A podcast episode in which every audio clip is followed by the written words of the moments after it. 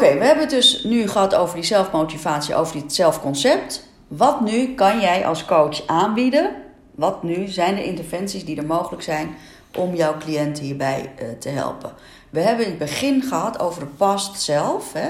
We laten even hè, dat zelfschema's, dat onderzoek is gewoon puur elementen pakken waarvan jij denkt dat zijn elementen die uh, helpend of belemmerend zijn voor het doel dat jij voor ogen hebt.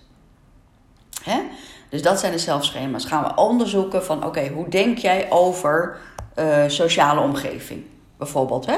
Hoe denk jij over uh, hoe jouw vrienden moeten reageren als jij met dit proces bezig bent?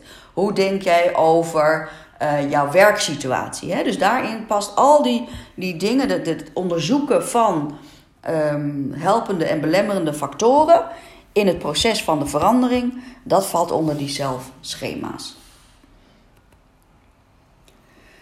Het past zelf is wat wij in de allereerste les hebben gedaan, is de wat ik eigenlijk altijd toepas, is het levensverhaal op laten schrijven door de mensen. En heel toevallig was gisteren of van de week, ik weet niet, uh, volgens mij hebben jullie het ook gezien in de, in de Team Voeding en Gezondheid uh, um, Facebookgroep. Um, vorige week is er een. Uh, is er een, een, een, wetenschappelijk onderzoek gepubliceerd. En dat gaat hierover. Vond ik zo leuk om te zien. Dit zelf past, het levensverhaal, ik pas het echt al drie, vier jaar toe.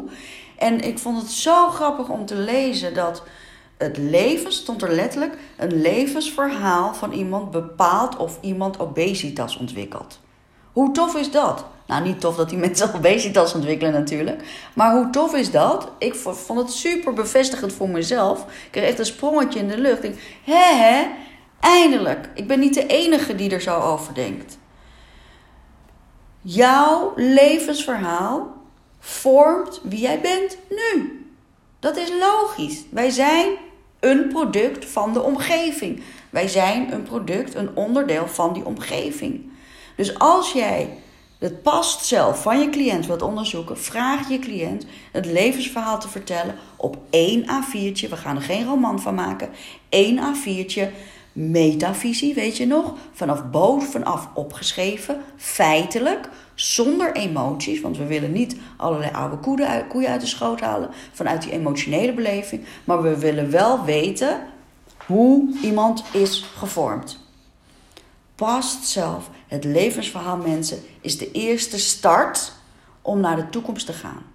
Je moet erkennen van het verleden. Je moet het verleden ontkleuren, zeg ik altijd. Ontkleur je verleden. Ontdoe het van alle emoties en alle pijnpunten. Door te erzien dat het een onderdeel is geweest van het verleden. En ontkleur het om, om de, omdat je kan realiseren dat herinnering 50% gebaseerd is op valse herinnering omdat we door, hè, het is hetzelfde, uh, ik weet niet of je dat spelletje kent, weet je wel. Je, je fluit, hè, we deden het als kinderen altijd. Je ziet het nog wel eens op tv, geloof ik, bij, uh, nou, whatever, je ziet het nog wel eens op tv. Je vertelt een verhaal aan iemands oor en die moet het doorvertellen aan iemand anders. En die moet het weer doorvertellen aan iemand anders. En dan de laatste op de rij, die moet het verhaal vertellen. En dan kijken hoeveel het nog klopt met het verhaal van de eerste persoon. Weet je wel, dat, dat spelletje kent iedereen. Er komt een totaal ander verhaal uit. Altijd, er komt een totaal ander verhaal uit. Maar zo werkt jouw past zelf ook. Er komt een ander verhaal uit. Je hebt het groter gemaakt. Je hebt het mooier gemaakt. Je hebt het lelijker gemaakt. In de beleving, door die herhaling, door die herhaling. En vreemd genoeg, ja, het is nu eenmaal zo. We, we, denken 70.000 gedachten per dag. En daarvan is 90% gedachten die we gisteren hebben gedacht. Dus we leven ook echt in het verleden. Daarom blijft het ook zo'n groot element in ons moeilijkheid om te veranderen. Snap je wel? Dus even samenvattend: zelfschema's doe je door gewoon te onderzoeken wat is helpend, wat is belemmerend op die vijf elementen: hè?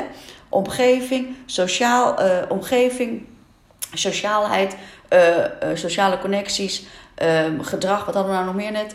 Als je omgeving, sociale gedrag, gevoel en. Ehm, hm? Nou ja, kom er zo op. En de laatste kom ik zo direct even op. Als jullie het weten, wat ik net had gezegd, dan komen we er zo direct op. Nou, laten we maar eventjes kijken. Oh ja, gedrag, proces, sociale omgeving, inzet en barrières. Dus die pas zelf kan je dus onderdelven door, door zo'n zelf, zo'n levensverhaal laten opschrijven bij, met je cliënt of door je cliënt.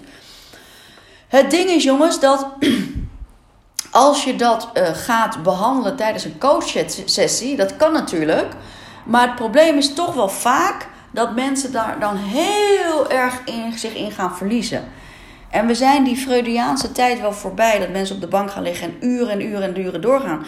Uh, positieve psychologie, waarbij, waarin coaching dus valt. Hè, de positieve psychologie, de coaching is een onderdeel van positieve psychologie daar gaat het dus heel erg juist om het richten op de toekomst, het richten op de mogelijkheden en niet te veel afwijden, uitweiden aan het verleden. Dus wel het erkennen van het past zelf, maar niet daar heel erg maar op doorgaan en heel erg maar op, op blijven hameren.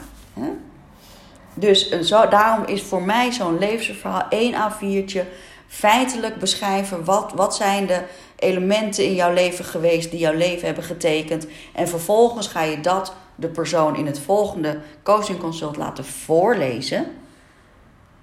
Kijken wat er dan gebeurt en dan zeg je, nou gaan we het ritueel verbranden. Of nou gooien we het weg. Of nou laten we het, hè, we gaan hiermee aan de slag. Present zelf gaat over zelfmotivatiecontrole of zelfmotivatietechnieken. Gaat over zelfcontrole technieken. Gaat over attributie. Het gaat puur over alle tools die je kan inzetten om gedrag nu te beïnvloeden. Dus denk hierbij echt vooral aan de nudging, wat ik al zei. Hoe kan je bijvoorbeeld, hoe zou je bijvoorbeeld nudging voor de cliënt kunnen uh, weergeven? Iemand, wat, wat is bijvoorbeeld een nudging op het gebied, wat mensen dus nu in de present zelf kunnen doen, waardoor gedrag, dus helpend, hè, nudging, gedragingen of omgeving dusdanig inrichten dat het helpend is, dat het gemakkelijker wordt. Iemand een idee hoe je in de present zelf, in het nu dus, een actieplan, heel goed. Dat is niet echt nudging trouwens, hè? dat is een actieplan.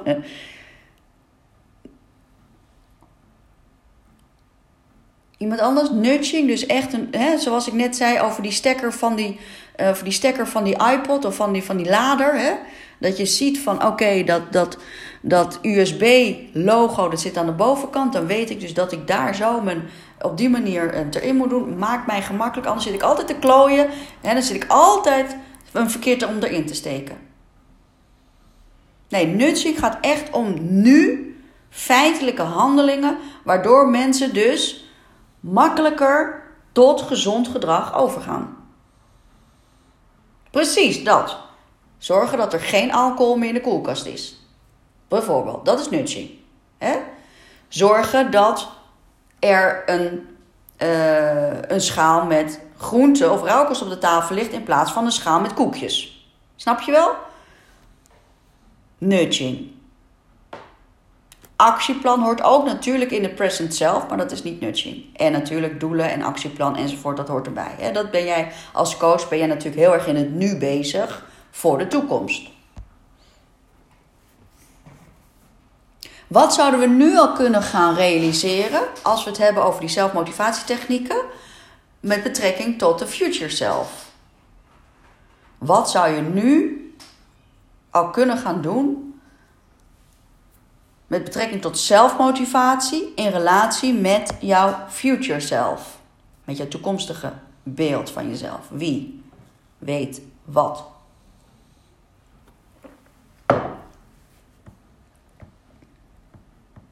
Iemand?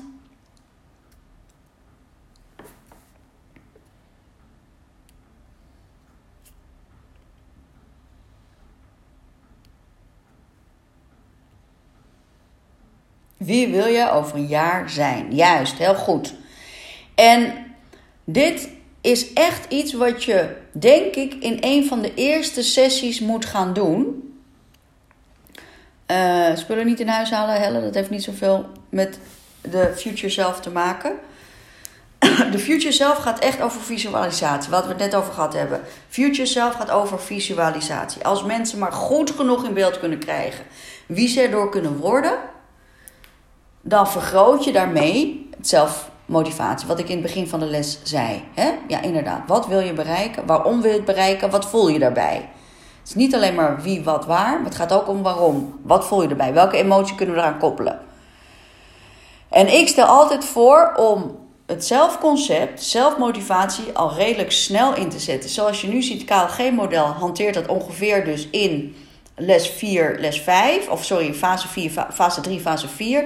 Ik persoonlijk zeg altijd, hier gaan we heel snel mee aan de gang. Hoe sneller mensen het idee hebben wat ze kunnen, wat ze willen en wat voor gevoel dat oplevert. Jullie weten de oefening die we toen hebben gedaan met, volgens mij was dat met Vanessa, uh, hier in deze groep. Hè, van hoe zie je er dan uit? Hoe voel je je dan? Hè? Dat, dat gevoel, dat helpt dus mensen hun future self te creëren. En als mensen dus hun future self helder krijgen, en vooral dus ook in die relatie met gevoel, zorgt dus voor dat de belangzijde wordt versterkt van die motivatie. En zorgt er vervolgens voor dat mensen dus meer actie gaan ondernemen. Helder jongens? Dus als we het hebben over het zelfconcept, zelfmotivatie. Het zelfmotivatie bestaat dus uit het zelfconcept. Daar hebben we de zelfschema's. De zelfschema's zijn dus de mindsets op de verschillende onderdelen in ons leven.